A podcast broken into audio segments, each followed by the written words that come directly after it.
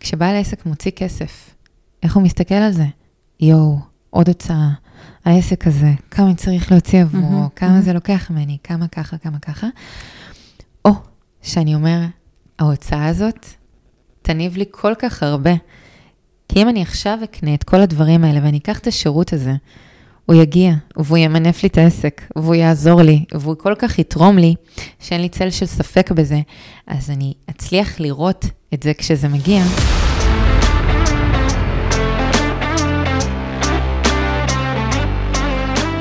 שלום לכולם וברוכים הבאים לפודקאסט יוצרים מוטיבציה, אני עינת מזרחי ואני כאן כי אני חוקרת מוטיבציה ומנסה להבין מה עוזר לי וגם לכם בתקווה לקום, לעשות, להתחבר ואני נמצאת איתי היום מלי, מלי שכטר, היי מלי, היי עינת, מה נשמע? מעולה, מה שלומך? בסדר, מעולה, כיף שאת פה. קבענו את ההקלטה, הסתכלתי בוואטסאפ, ב... שוחחנו בוואטסאפ, זה היה בשישי באוקטובר. נכון. קבענו ליום שני, התשיעי. זה לא יצא כמובן, בגלל, ה... מן הסתם, ההלם והשוק, אז זה כיף ש... שאנחנו פה.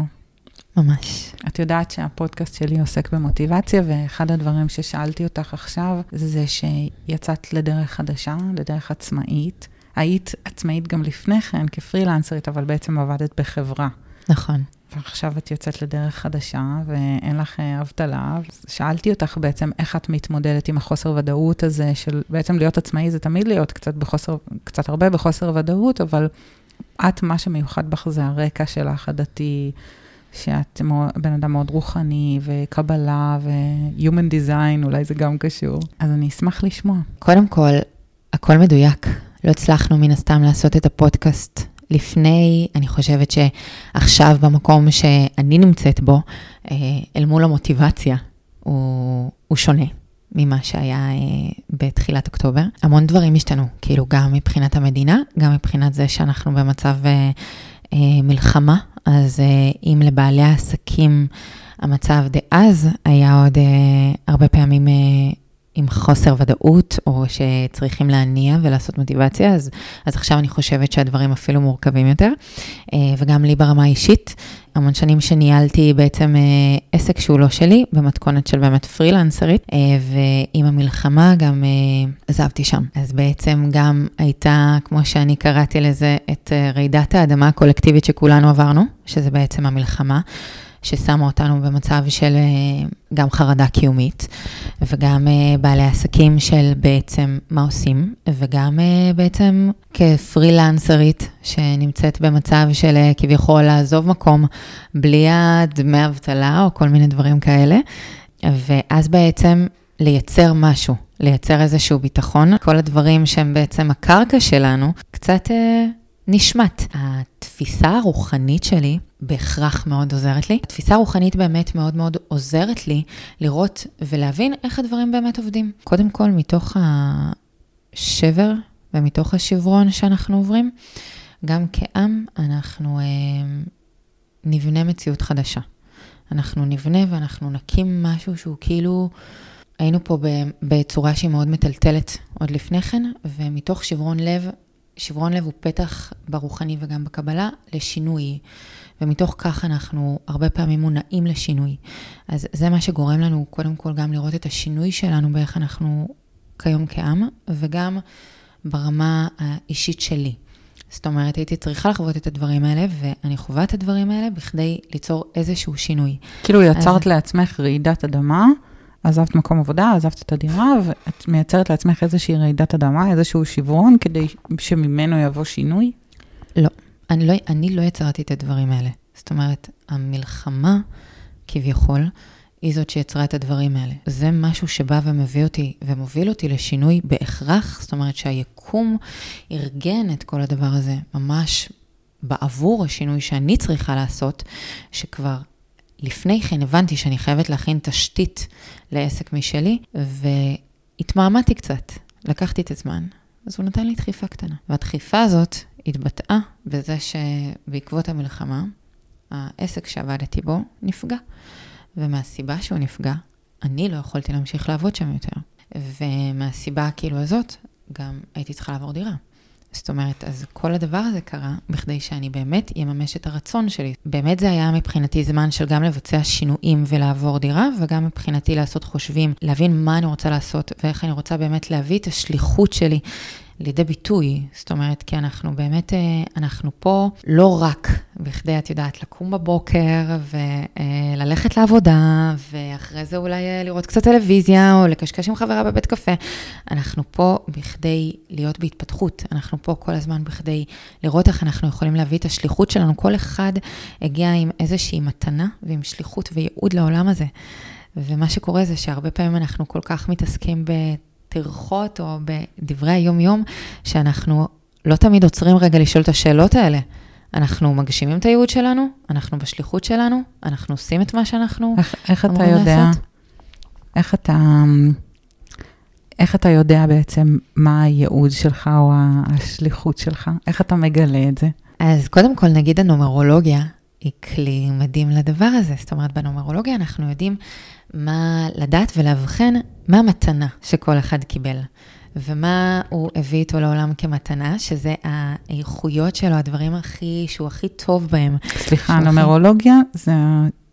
זה לא כתב יד, זה המספרים. המספרים. במרולוגיה אנחנו יותר מתמקדים בתאריך הלידה אה, ובשם אה, שאיתו נולדת mm-hmm. ובשם המשפחה. אה, ומתוך כך אנחנו יכולים ללמוד הרבה. אנחנו יכולים ללמוד הרבה על, ה, על אה, זה נקרא שיעורי הנשמה, או הייעוד הנשמתי שהנשמה ביקשה לעבור כאן, ואנחנו יכולים להבין איזה כלים ואיזה מתנות היא קיבלה בכדי להגשים את הדבר הזה. אבל איך זה יכול להיות? על מה זה מבוסס? מה, אז אם היו נותנים לי שם אחר, אני הייתי מישהו אחר? נכון, נכון. כי לכל שם יש איכות. אם היית נולדת ביום אחר, האיכות שלך והמתנות שלך היו בעצם שונות. זאת אומרת, אם נולדת ב-20, יש לך איכות מסוימת ויש לך מתנות מסוימות שבאת את במיוחד להביא לעולם, אבל אם היית נולדת ב-21, זה משהו אחר לגמרי. אי אפשר להוכיח את זה, אבל.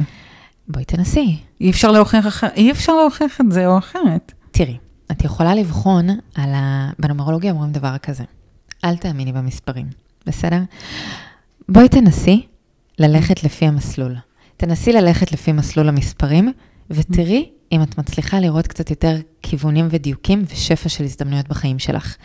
ואז תאמיני או תפסלי. בדיוק. תראי מה קורה ברגע שאת מנסה את המסלול הזה. אני יכולה להגיד לך דבר אחד. אני עוד לפני הנומרולוגיה למדתי אה, רפואת הנפש ברוח היהדות, שהיא מבוססת בעצם על, אה, על קבלה. Mm.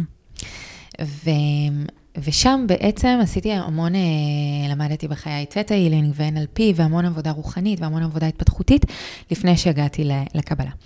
וזה היה הדבר הכי עוצמתי, כי מבחינתי היה שם את היסודות הכי מוצקים לעבודה אה, התפתחותית ורוחנית אמיתית.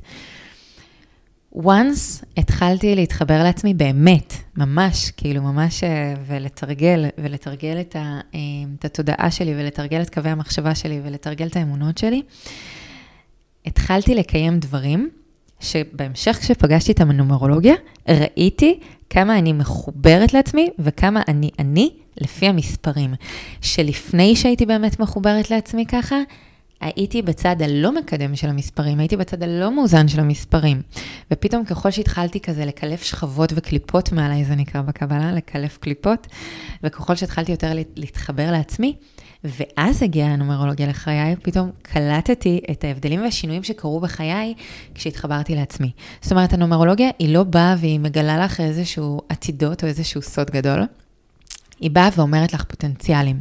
היא באה ואומרת לך, זה האיכויות שלך. אם תנסי ללכת לפי המתנות שלך ולפי הכלים שלך, מה שיקרה זה כנראה שאת תעלי על איזשהו מסלול. מסלול עם אבני דרך שהן הרבה יותר ברורות, mm. כי זה מתאים לכלים שלך. אם תהיי מחוברת לעצמך על ידי עבודה רוחנית, על ידי עבודה התפתחותית, על ידי מודעות של מי אני, מה אני אוהבת, מה חשוב לי בחיים, אז לא תצטרכי את הנומרולוגיה, כן? כי את כבר יודעת. הנומרולוגיה באה ומסייעת גם למי שהוא לא בדיוק על המסלול ורוצה להכווין את עצמו למסלול. היא כמו פנס כזה, בדיוק. אם תלך בדרך הזאת, יהיה לך אולי יותר קל. בדיוק, לראות את אבני הדרך, ממה אני צריך mm. להימנע, ממה, איפה אני כן צריך ללכת, לראות את המסלול. הנומרולוגיה היא כאילו בסופו של דבר אומרת, זאת מתנה שקיבלת. זה הכלים שקיבלת.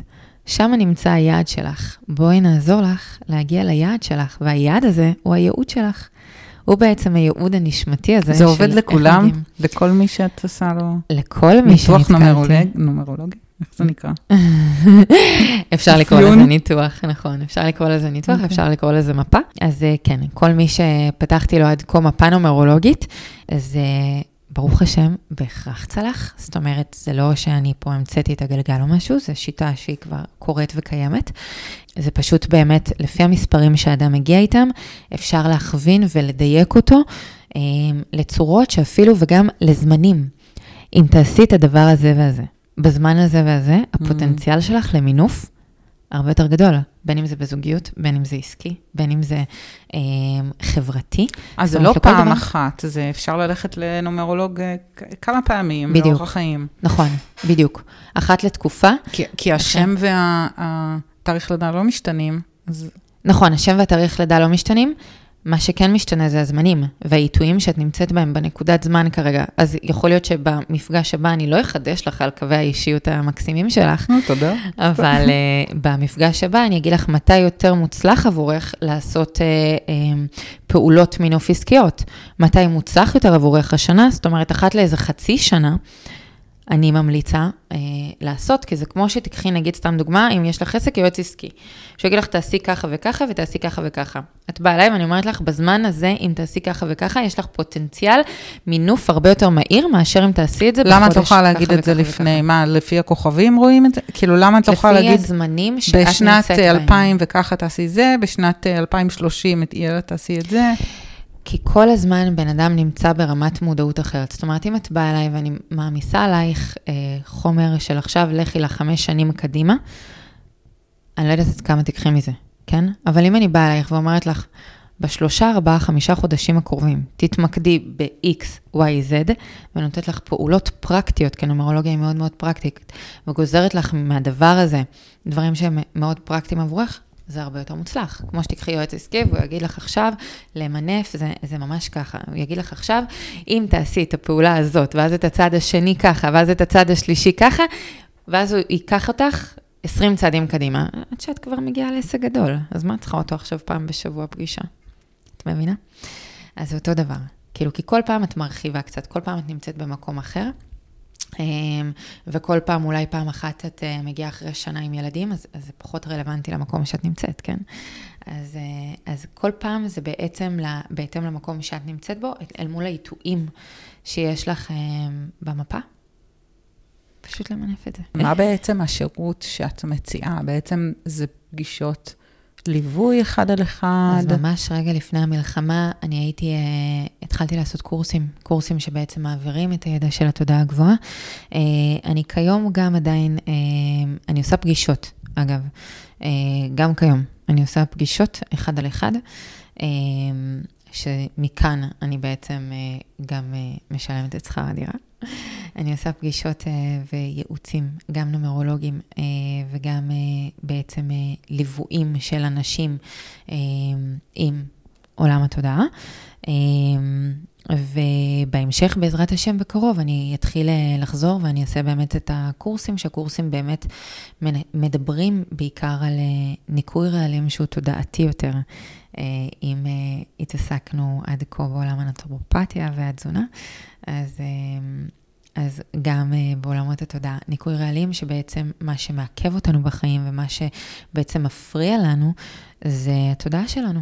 זאת אומרת, התודעה שלנו של, את יודעת, יש משפט שאומר, אם אתה חושב שאתה תצליח, ואם אתה חושב שאתה לא תצליח, בשניהם אתה צודק. Mm. אז זה בדיוק זה. אז זה כאילו, אז העניין והמטרה היא באמת להבין איך הדברים עובדים. זאת אומרת, אם אני אם קורית לי איזושהי טלטלה מסוימת, מה שיקבע, מה יקרה אחרי הטלטלה הזאת, זה בהכרח הדרך שאני באה מסתכלת עליה. ואם אני מסתכלת עליה ככמה מר גורלי, ואיזה אה, רב אכזר העולם, ואיך קרה לי הדבר הזה, אז אני כנראה אחווה את המציאות מה, מהמקום הזה. אבל אם אני אראה שזה חלק מהמסלול שסללו במיוחד עבורי, בכדי שאני אוכל להגשים את עצמי, בכדי שאני אוכל להיות בהתפתחות, אז זה גם בהכרח איך שאני אחווה את הדברים. זאת אומרת, התודעה שלנו היא בהכרח איך שאנחנו נחווה את המציאות שלנו, וכל מה שאנחנו רוצים לעשות זה לנקות את מה שקורה לנו אה, ברמה התודעתית, אה, שלא מקדם אותנו, ולהביא לחיינו, בקבלה זה נקרא כלים. להכין את הכלים שלנו לשפע. זאת אומרת, היקום, כמו שאת יכולה לראות, העולם הזה מלא בשפע. השפע קיים ברמה שהיא אינסופית, כסף על הרצפה. Hmm. יש בכל מקום. השאלה היא, אם יש לי כלי שיכול להחזיק את זה. יש לי כלי שיכול לקבל את השפע הזה, או שהכלי שלי חלול והוא לא יכול לקבל את השפע הזה. זה דימוי יפה. Mm-hmm, תודה. אז, אז זה בדיוק ככה. זה בדיוק ככה, זאת אומרת, השפע קיים בכל מקום. מה שאני צריכה לעשות זה קודם כל להיות מודעת לעובדה שהוא קיים, לראות שהוא קיים. כי אם אני לא רואה שהוא קיים, אני גם לא אוכל לקחת אותו, כי מבחינתי הוא לא קיים, כן? אבל אחד, אני מודעת לזה שהוא קיים. שתיים, אני רואה אותו שהוא קיים, אני רואה איך השפע הזה מתבטא. השפע הזה מתבטא בהזדמנויות. השפע הזה מתבטא ב, בשיתופי פעולה, השפע הזה מתבטא בכל דבר, זאת אומרת, השפע יכול להיות כלכלי, אבל גם ברמה של איך אני מסתכלת על כסף. איך אני מסתכלת על כסף, איך אני מסתכלת על הוצאה כלכלית. כשאני מוציאה עכשיו כסף, להתחיל לשים לב מה אני חושבת על כסף, זה, זה אחד הדברים שהם יכולים להיות ממש קפיצת מדרגה ענקית עבור אנשים שהם נגיד, אם אנחנו מדברים על מוטיבציה לבעלי עסקים, כשבעל עסק מוציא כסף, איך הוא מסתכל על זה? יואו, עוד הוצאה, העסק הזה, כמה אני צריך להוציא עבורו, mm-hmm, כמה mm-hmm. זה לוקח ממני, כמה ככה, כמה ככה. או שאני אומר, ההוצאה הזאת תניב לי כל כך הרבה. כי אם אני עכשיו אקנה את כל הדברים האלה ואני אקח את השירות הזה, הוא יגיע, והוא ימנף לי את העסק, והוא יעזור לי, והוא כל כך יתרום לי, שאין לי צל של ספק בזה, אז אני אצליח לראות את זה כשזה מגיע, או שאני אראה את כמה העסק הזה שואב אותי וכמה הוא מוציא ממני. זאת אומרת, זה תמיד איזשהו קו בין, ה, במודעות, בין הקו מחשבה הזה, שמקדם אותי, לקו מחשבה הזה, שמגביל וחוסם אותי, בין הצלחה לבין חסר הצלחה. אמ, אז, אז זה בדיוק זה. בעצם אימון מנטלי. יומיומי. יומיומי. זאת אומרת, זאת עבודת מודעות.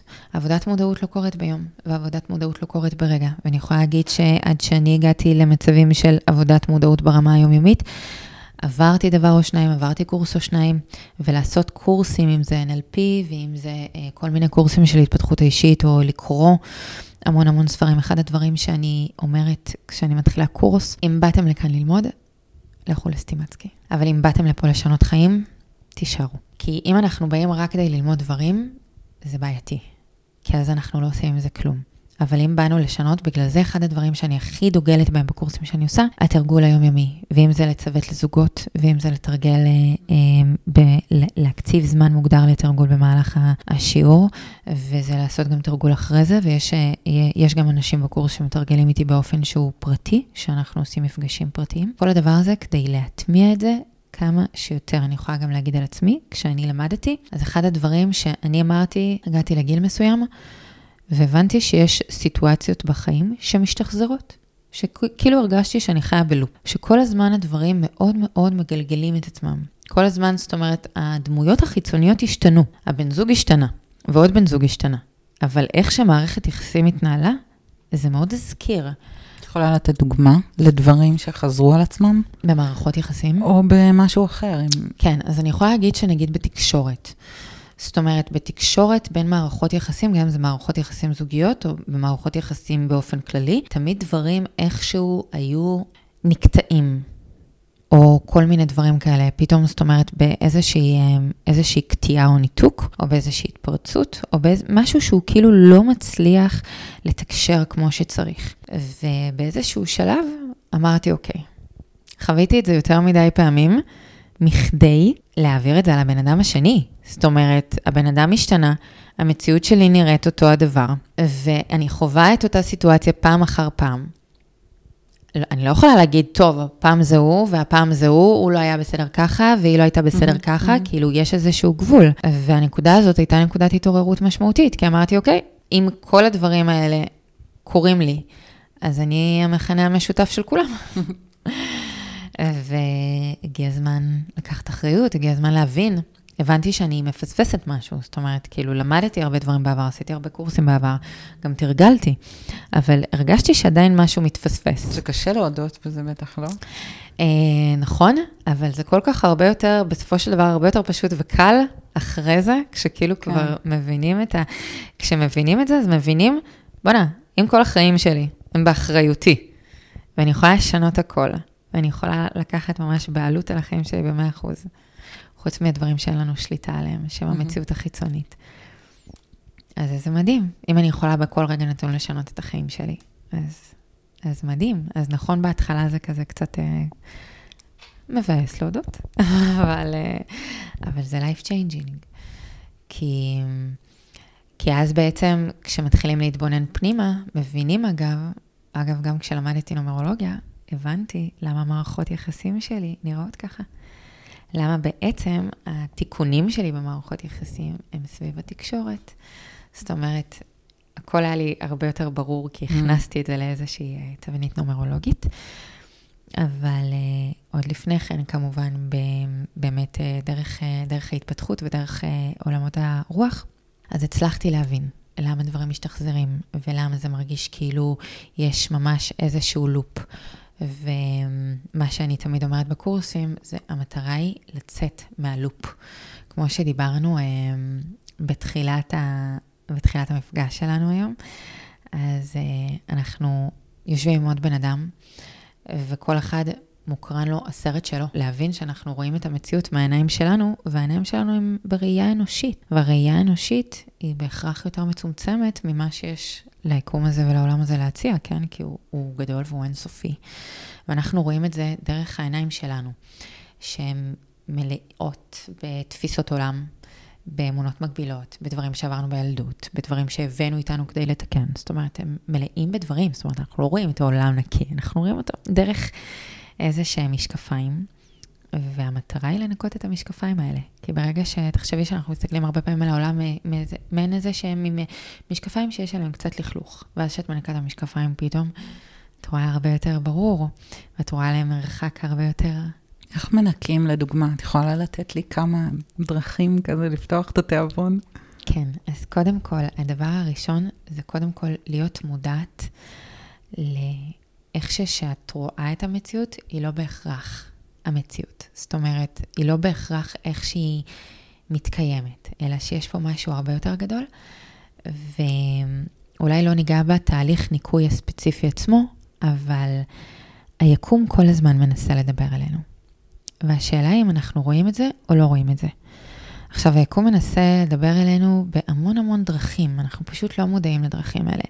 זה יכול להיות על ידי מספרים, שאם אנחנו כבר מדברות על הנומרולוגיה, שזה יכול להיות מספרים בשעון, או מספרים על לוחיות. מכירה את זה שפתאום את הולכת ואז את רואה איזה 888. או איזה מסתכלת בשעון ופתאום כזה 2, 2, 2, 2. כאילו כזה, אז זה גם דרך מה... מהדרך של היקום לדבר איתנו. זאת אומרת, זה גם חלק מהסימנים. יכול לדבר איתנו על ידי אנשים שפתאום אני הולכת ופתאום אני מקשיבה לאיזה שיחה שזה בדיוק הדבר שהייתי צריכה לשמוע. Mm. הסתובבתי עם איזה שאלה בראש, ואני נוסעת. אגב, זה משהו שקרה לי לא מזמן. הסתובבתי עם איזושהי שאלה בראש, לגבי נגיד העסק. שאלתי את עצמי איזושהי שאלה. שנייה אחרי ששאלתי את עצמי את השאלה, עצרתי עם האוטו, היה רמזור אדום, אני מסתכלת, אני רואה שלט מימיני שנותן לי את התשובה לשאלה ששאלתי. אם אני מודעת לזה, אני קולטת את התשובה. אם לא, אני ממשיכה, מחכה שהרמזור יתחלף לירוק, ממשיכה לנסוע. אנחנו צריכים להיות מודעים. מודעים לתקשורת של היקום. אחת מהדרכים שהיקום מדבר אלינו, זה דרך רגשות. וזה דרך רגשות שליליים. זאת אומרת, כשאנחנו מרגישים רגש שהוא שלילי, הרבה פעמים אנחנו חושבים, איזה באסה, איזה מכעיס, הבן אדם הזה עצבן אותי, הבן אדם הזה הציב אותי, הבן אדם הזה אה, עשה ככה וככה, וזה לא בסדר, וזה... ברגע שאני אבין שהרגש השלילי שלי בא רק להכווין אותי להיכרות יותר מעמיקה עם עצמי, על הדפוסים שלי ועל האמונות שלי, שאני רוצה לשנות בתוכי, בכדי שאני אצליח לראות במשקפיים שהן יותר נקיות, כי מה שמסתתר מאחורי הרגשות השליליים זה בהכרח תפיסת עולם. זה בהכרח איזושהי אמונה שאני מאמינה שיצרה אצלי את הרגש השלילי הזה, ובגללה הרגש הזה נוצר, אבל אם אני אנקה אותה, כבר לא יהיה לי את הרגש, השל...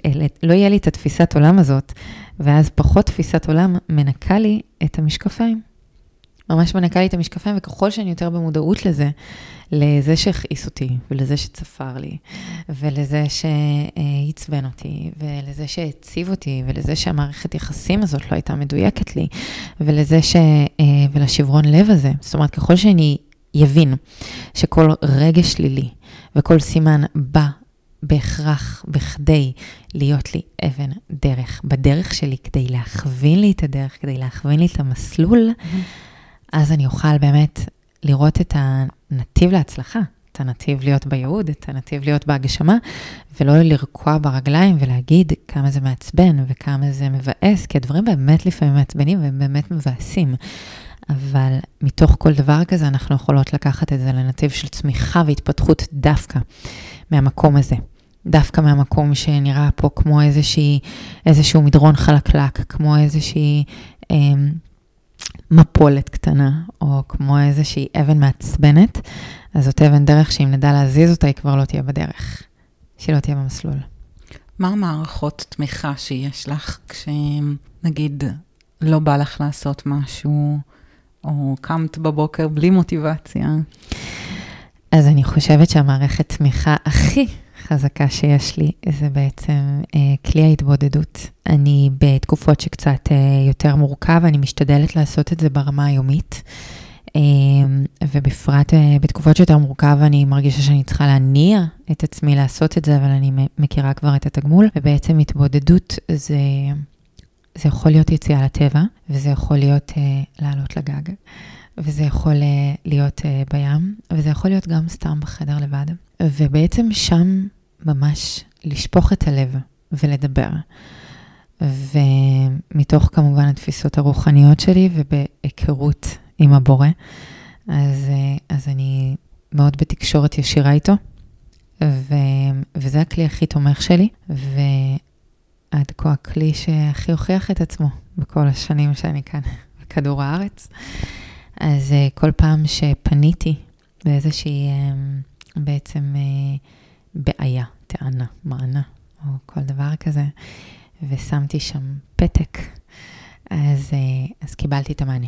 קיבלתי את ההכוונה, הרגשתי שעוד איזושהי שכבה שלי יורדת או מתנקה, או עוד איזשהו משהו אצלי בתודעה, כל פעם שעשיתי את ההתבודדות, שאולי אני אפרט ואגיד כזה מה זה למי שלא מכיר, אז ההתבודדות זה בעצם שיח, שיח פתוח של אה, בעצם לדבר מהלב, לדבר מהלב עם היקום, עם הטבע, עם הבורא, אה, עם הקדוש ברוך הוא, כל אחד ומה שהוא מאמין ואיך שהוא קורא לזה.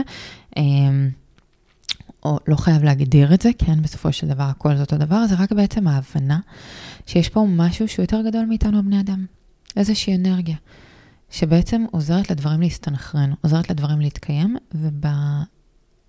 וביקום ובעולם המופלא הזה ובבריאה אין טעויות. הכל קורה בסדר שהוא מפתיע, הכל קורה בסינכרון, הכל קורה בצורה שהיא מדויקת. אנחנו לא תמיד מאמינים לזה, אנחנו לא תמיד רואים את זה, אנחנו לא תמיד מבינים את הדברים, וזה בסדר, כי אנחנו בראייה אנושית. אמ, אבל עצם ההבנה שהדבר הזה קיים, אז זה עוזר לנו קצת יותר להיפתח.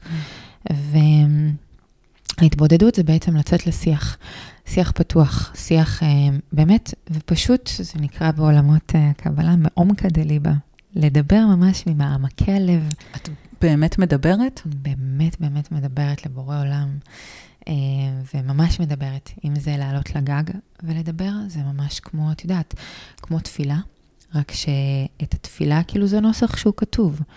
אז התבודדות זו תפילה שהיא לא כתובה. את מבקשת תפילה. או שאת מדברת, את מתארת את הסיטואציה? אז אין איזושהי הגדרה. זה כל מה שבא לך, כל מה שעולה לך לראש, כל מה שמרגיש לך בלב ובבטן. אמ, וזה יופי בהתבודדות. זאת אומרת, את יכולה להגיד מכל הבא על רוחך. אמ, ומה את מרגישה בהתבודדות? שמישהו מקשיב לך? שאת, מה, נופלים לך אסימונים פתאום? בהכרח. ואת ההתבודדות נהוג להתחיל בהודיה. אז נכון שהרבה פעמים אנחנו נמצאים בתקופות שהן לא פשוטות, אבל בואו רגע נסתכל ונודה על מה שכן יש לנו. על אם יש לנו קורת גג, על אם יש לנו מישהו שיקשיב לנו, על אם יש לנו ידיים ורגליים מתפקדות, שזה לא מובן מאליו, שאת זה הבנתי לפני שש שנים ששברתי את הרגל ולא יכולתי להיות mm. uh, uh, בתזוזה, ופתאום את מבינה כמה זה לא מובן מאליו שאת הולכת על הרגליים. זה ממש לא מובן מאליו. ועל זה שיש לנו אה, אולי מערכת תמיכה, או זה שיש לנו חברים, אולי על זה שבדיוק קיבלתי איזה טלפון מבשר בשורה טובה, גם אם אני לא בתקופה משהו, אבל פתאום כזה חבר שלח לי הודעה עם איזה לב, או, או כל אחד ומה שיש לו באותה נקודת זמן בחיים, יש לו mm-hmm. משפחה תומכת, אם יש לו מישהו שמקשיב לו. זאת אומרת, להתחיל בהודעה. קודם כל, תודה על מה שכן יש לי. אכלתי ארוחת בוקר, שבעתי, הזינה אותי, תודה רבה, לא מובן מאליו. כמה אנשים יש שאין להם את זה. זאת אומרת, אז אנחנו מתחילים קודם כל בהודיה על מה שיש לנו, ומשם, השמיים הם הגבול. ואז אפשר באמת אה, לנתב את זה ולהגיד, תראה, אני תמיד אומרת ככה, תראה, כרגע מאתגר. אני עדיין לא תמיד מצליחה להבין למה זה מאתגר אותי. זאת אומרת, אני בהכרח יודעת שאם זה קרה, זה לטובתי. אולי עדיין אני כרגע לא רואה את הטובה, אני סומכת עליך. אני צריכה שתעזור לי לראות את זה. אני צריכה שתעזור לי. כרגע מה שקורה זה, אה, זה לא פשוט מהצד הזה והזה, וקורה ככה וככה וככה, ואפשר גם לבקש בקשות, ואפשר גם לבקש עזרה לראות את הדברים, כאילו לפעמים אנחנו לא צריכים איזה משהו בומבסטי, אנחנו צריכים רק להבין למה זה קרה, ומשם יפלו לנו המון אסימונים. ואז בעצם, ברגע שאת אה, שופכת את הלב, קודם כל, בפעולה הזאת יש המון המון הקלה. אה, והמון אה, פירוק והמון שחרור. אה, וגם יש הקשבה. ואז את ממש אפשר לראות איך הרבה פעמים אחרי שבאמת יש את השחרור הזה, פתאום מגיע מחשבה, פתאום מגיע רעיון, פתאום מגיע, נופל איזה אסימון, פתאום מגיע איזשהו משהו. פתאום, את מביאה, אני אתן לך דוגמה. השבוע נפגשתי עם חברה, mm-hmm. תכננו איזה קטע, כי את החברה הזאת פגשתי לראשונה. פגשתי אותה אה, ברביעי לאוקטובר, ושם ממש במקרה, במרכאות, התחיל בינינו איזשהו שיח. שאלתי אותה מאיפה היא, והיא אמרה לי שהיא מנתיב העשרה. דאז לא היה לי מושג איפה המקום הזה נמצא. ושאלתי אותה איפה זה, אז היא אמרה לי שזה לא רחוק משדרות. איך קוראים לה? אמ, קוראים לה קרינה, אמ, והמשכנו לדבר, כאילו, באותה, באותו המפגש דיברנו, באמת היה לנו איזה small talk. יש לי פשוט חברה משם, וכשהיא אומרת, שואלים אותה, מאיפה את? אז היא אומרת, נתיב העשרה, זה גבול עזה, פינת לוס אנג'לס. בדיוק. וקודם כל, זה דוגמה לכמה הקשר הזה הוא מאוד מאוד לא מקרי. אמ, נפגשנו ברביעי לעשירי, מנתיב העשרה, וכיום אה, כולנו מבינים איפה זה. אמ, ובשביעי פרצה המלחמה. אה, ומאז כמובן, כאילו התעניינתי אה, באינסטגרם וזה, מה איתך, כאילו איך את, מה קורה, המשכנו לשמור על קשר. במהלך הזמן ניסינו כל פעם קצת להיפגש, וזה לא צלח, mm-hmm. עם כל המעבר דירה וכל הדברים. ו... והשבוע זה יצא לפועל, נפגשנו. אחרי שנפגשנו, בדרך הביתה, היא גם עוסקת בעולמות הרוח, והייתה לנו שיחה מאוד אה, מפרה ומעניינת. ונפגשנו מפגש שהוא נטו חברי, והיה ממש כיף. ובדרך חזרה הביתה, היה ממש, אה, אה, הרגשתי שאני צריכה לפתוח את החלון, היה לילה, והרגשתי שאני צריכה אוויר קר, פתחתי את החלון, ונכנסה לי עכבישה לאוטו, דרך החלון, עכבישה לבנה. והמשכתי לנסוע, ויום למחרת בבוקר, אני חושבת שראיתי במקומות שונים עוד ארבעה או חמישה עכבישים. ושמתי לב לזה, כאילו, אני חושבת שזה משהו שאנחנו רואים ביום-יום, אבל אנחנו לא תמיד מודעים אליו, ואז פשוט רשמתי לה שמאז שנפגשנו, ראיתי איזה שישה עכבישים, וכאילו, ומה הסיכוי, כאילו, בוא נבדוק מה זה אומר. ואז ראיתי מה זה אומר, וראיתי את, ה, את הפירוש של הדבר הזה, והסתכלתי מה, מה עכביש אומר אה, אה, בחיית הטוטם שלו, ומה זה יכול לסמן, ומה זה יכול להיות אה, באמת הדבר הזה. ו... אוקיי, הנחנו את זה, ראיתי את הפירוש, אה, שזה מדבר נגיד על, על, על נשיות ועל כל מיני דברים, שהכבישים לפני שהם עוברים ממקום למקום, מבססים את הכורים שלהם, ורגע לפני שהם אה, קופצים, אז עושים את הקפיצה, אז הם קודם כל הם מבססים mm-hmm. כזה את השטח. ושזה מאוד התחבר לי מה שקורה, וכאילו, ו, וזה גם מדבר מאוד על, על נשיות, ש, שהכבישה מאוד משתמשת ב, באנרגיה הזאת בכדי למשוך דברים וכל מיני דברים כאלה. זה מה ששמנו וזה מה שאמרנו, וזה היה לפני יומיים, ואמרנו, טוב, מעניין. מאז המשכנו כזה קצת לדבר, וכל מיני דברים אה, אה, עלו בשיח, ומפה לשם דיברנו על זה שפתאום אני העליתי איזשהו רעיון, שאולי ניצור איזשהו משהו ביחד, אה, באיזשהו קונספט מסוים שנוכל לדבר עליו בהמשך. וה-long story short, זה היה הנקודה שאמרתי לה, אוקיי, זה כל העכבישים שראיתי. כאילו, כי זה דיבר, הרעיון שכאילו אני הבאתי, שפתאום נפלה המחשבה, כן, mm-hmm. המחשבה והרעיון הזה שפתאום ירד. אמ, תוך כדי גם שיחה שלי ושלה, שפתאום ירד על לעשות איזשהו מיזם אה, מסוים, שדיבר בדיוק על כל הדבר הזה שקראתי בתיאור של הסימנים mm-hmm. שקיבלתי בדרך לפני יומיים. אז זאת אומרת, אנחנו לא תמיד מודעים, אבל אם אנחנו מודעים, אנחנו יכולים רגע להניח את זה במודעות, ואז רגע אחרי זה, זה פתח כבר משהו, זה כבר יוריד אסימון, ובהמשך זה ייפתח וירחיב עוד יותר, ואז פתאום ייפול עוד אסימון, ואז פתאום מדהים. יגיע עוד רעיון. זאת אומרת, ואז מפה אפשר ממש כבר לגלגל את זה. זאת אומרת, ככה דברים קורים. אנחנו מספיק פתוחים תודעתית, ואז פתאום מגיעה הזדמנות, פתאום מגיע הרעיון, פתאום מגיעה הברקה, פתאום מגיעה... את מכירה את הנאום המפורסם של סטיב ג'ובס על Connecting the Dots? מה? הוא מספר שהם... בעבר שלו הרבה דברים לא הסתדרו לו, והוא לא הבין למה זה קרה. ודברים אה, לא טובים, סתם לא קיבלו אותו לפה, ואז זה, אז כאילו כל מיני נקודות בחיים שלו. והוא אמר, אחרי שהוא כבר הצליח, שעכשיו כשהוא מסתכל אחורה, איזה מדהים שאפשר כאילו לחבר בין הנקודות ולראות שזה מה שהוביל אותו למשהו שבסוף כל נקודה כזאת היא התחברה. בדיוק. וזה ממש, אמ, זה ממש מתחבר לי למה שאת אומרת, לשים לב לסימנים, כאילו לאסוף אותם ולשים עליהם, אה, לנצור אותם איפשהו, ובסוף לראות איך זה מתחבר. בדיוק. אז זה נקודה מצוינת, כי תמיד, גם בנקודות חיים שאנחנו נמצאים בהם כיום, כן? כשאנחנו מסתכלים אחורה בדיעבד על איך החיים שלנו היו, וזה לא משנה אם אנחנו כרגע סטיב ג'ובס או לא, ואנחנו כנראה שלא, אבל גם אם אנחנו כזה בנקודת החיים שלנו כרגע, אם, כשאנחנו מסתכלים על דברים שלא עבדו לנו בעבר, אנחנו כאילו פתאום יכולים כזה לחבר את הנקודות ולהבין למה זה לא עבד. זאת אומרת, כדי לעשות את הדבר הזה. כן. ותהליך של מודעות, זאת אומרת, הוא מנכיח לנו את זה בהווה.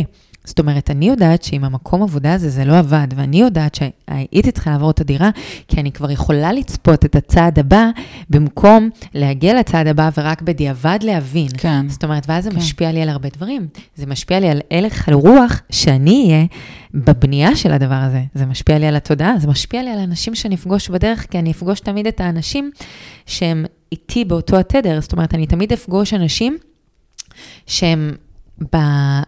נמצאים במקומות שאני נמצאת בהם תודעתית. אז זאת אומרת, אם אני אהיה במצב של אה, אה, דכדוך מהמצב הזה, או במצב של עצבות מהדבר הזה, או במצב של ממש אה, פסיביות מהזה, אז, אז אני אפגוש דברים שמתאימים כן. את המצב שאני נמצאת, כי אני, אני אצטרך מערכת תמיכה דומה לשלי. אה, וכאילו, אז הדבר הזה הוא באמת המודעות היא זאת שפותחת לנו את זה, להיות על זה בהווה ולא להסתכל בה בדיעבד. זאת אומרת, להבין איך הדברים עובדים ואפילו על ידי זה קצת לתכנן, על ידי זה קצת לפעול ולהבין איך הצעד הבא אמור להיראות. אמ, לא שיש לנו שליטה על העתיד, אבל, אמ, אבל זה יכול מאוד לעזור לנו. זאת אומרת, גם בראייה בהווה, וגם בעצם לצפות את הצעדים, או לראות איך דברים הולכים ומתקדמים, או להבין שהדברים קורים בסדר מדויק. כן, זה כאילו לקחת את זה צעד אחד uh, קדימה, של בדיוק. לא להגיד בדיעבד, אלא בזמן שאתה, יש את הדוץ האלה, אז להגיד, אוקיי, זה נקודה, זה יתחבר בסוף. אני יודע, זה בדיוק. בסדר, זה לטובתי. לקחתי הרבה מהשיחה הזאת, שתדעי. שגם גם מה שאמרת, לנקות את המשקפיים כדי לראות טוב יותר, וגם את זה שאנחנו רוצים למלא את הכלי אה, בדברים טובים, וגם מה שאמרת על התבודדות, כי אני מכירה, נגיד, שאנשים עושים כתיבה אה, אינטואיטיבית, או, או פשוט, אה, נגיד, כמוני, אז אני אלך להתאמן, או משהו כזה, אני לא אדבר, אבל יש בזה משהו מעניין דווקא ב, בדיבור הזה. כן, אני חושבת שבאמת כל אדם יש לו את מה שעובד לו, והכתיבה גם יכולה להיות, אה, התבודדות יכולה להיות גם אה, בכתיבה. Mm-hmm. ממש לכתוב את המחשבות, לכתוב את ההודיות, לכתוב את הבקשות. זה יכול גם לעבוד, יש משהו בדיבור כמובן שגם מנקה ומשחרר, וכל אדם, מה שעובד לו, כן? כאילו כל אדם זה עובד לו בדרך מסוימת. אני מאוד אוהבת לדבר על זה. את מאוד רהוטה ומאוד מעניינת. תודה. איך אפשר להגיע אלייך? מלי שכטר. תודה. אז uh, קודם כל באינסטגרם, מלי שכטר, uh, ובפייסבוק. תענוג. ואת נפגשת בדרך כלל בתל אביב? אני כן, אני מקיימת פגישות בתל אביב, גם פגישות uh, uh, אישיות שמדברות ובעצם מכווינות תודעה uh, בשילוב או בנפרד עם נומרולוגיה. אמ, ובנוסף, בקרוב בעזרת השם גם יהיו קורסים שבאמת עוזרים מדהים. לנקות את המשקפיים. ממש כיף להקשיב לך. תודה רבה. מאוד. תודה רבה לך. ממש נהניתי. כן? כן. איזה כיף. תודה. היה ממש אה, נעים ובא לי, בא לי בול עכשיו, שתדעי לך, באופן אישי אני אומרת את זה. איזה כיף. כן. ממש לשמח. כאילו, אני לא מגדירה את עצמי שום דבר, כן, רוחנית או לא, וזה, אבל את יודעת שהעולמות שלי הם לא כאלה. נכון. Um, אני כן מאוד אוהבת uh, עניינים של התפתחות אישית ומחשבות, ו- וללמוד לשלוט במחשבות, וב... אבל זה, זה אותי מאוד עניין עכשיו. כן, אני חושבת שזה, תראי, זאת נקודה. כי גם אני, אני בן אדם מאוד מאוד פרקטי. גם בפעולות שלי, גם בדרך למידה שלי, גם בעשייה שלי. ואני חושבת שבאמת יש איזושהי תווית על רוחניות שהיא משהו שהוא מאוד מעופף. אמ, אבל אה, זה לא באמת ככה. הרוחניות, בפרט כאילו כשזה נגיד אה, מקושר אה, לקבלה, הכל שם נעשה בצורה שהיא מאוד מאוד פרקטית. רוב האנשים הרוחניים באמת, שזה לא כזה באמת מאוד מעופף, זה אנשים שהם מאוד ראש, הם מאוד היגיון, הם מאוד כאילו, זאת אומרת, הם מבינים איך הדברים עובדים, והם פשוט זה, זה באמת הבנה. איך את מגדירה אה, רוחניות? קודם כל, רוחניות זה, זה כמה אהבה ושמחה באמת יש לנו בחיים. זה ככל שאנחנו מבינים את הדברים ואיך שאנחנו רואים אותם דרך משקפיים שהן נקיות יותר, זה מאפשר לנו פניות להיות יותר בשמחה. זאת אומרת, שוב, אם אני נמצאת באיזושהי אה, סיטואציה שהיא לא פשוטה, אבל אני מבינה שהסיטואציה הזאת הולכת לפתוח לי פתח להצלחה, יהיה לי הרבה יותר קל להכניס שמחה לחיים שלי באותן נקודות, גם אם יהיה קצת קשה מאשר ליפול אה, לנקודות אחרות. זאת אומרת, הידיעה שהכל נעשה בהכרח לטובתי, אה, מאוד מקלה על החיים, כן? אז, אז בעצם רוחניות זה ידיעה שדברים נעשים לטובתך, ולכן זה מאפשר לך להיות ביותר שמחה בחיים? נכון. זה מאפשר גם להיות יותר בשמחה, יותר באהבה ולהפיץ. זאת אומרת, רוחניות, המטרה ברוחניות זה להיות בהשפעה. זה להבין שאנחנו הגענו לכאן להיות ב- בייעוד שלנו, שאנחנו כאן אה, אה, כדי להיות בשליחות שלנו, זאת אומרת שנשלחנו לעשות דברים גדולים וטובים בעולם, אה, ואנחנו רוצים באמת לפנות את עצמנו בכדי לעשות את הדברים האלה בעולם. אז uh, זאת התכלית. התכלית ה- ה- של הרוחניות זה באמת להיות בהשפעה. להשפיע את עצמנו מהמתנות שלנו בעולם. וואו, מדהים. איזה סיום מושלם. וואו, מושלם. מלי שכטר, תודה רבה. תודה רבה. אוהבת אותך. גם אני אותך. ביי בינתיים, ותודה רבה לכם. ואם נהניתם מהפרק, you know what to do. גם אה, עוקב, גם אה, פעמון. קרא נועה קירל, השיר שים לי פעמון, את יודעת למה הכוונה? שים לי פעמון, זה כאילו לעשות עוקב ולקבל התראות, גלינג נכון. גלינג כזה, וזה. סתם, אני לא יודעת אם זה באמת הפירוש שלה, אני מסיקה ככה. אני רק עכשיו שומעת את זה ממך. שים לי פעמון, אני ככה חושבת שזאת הכוונה.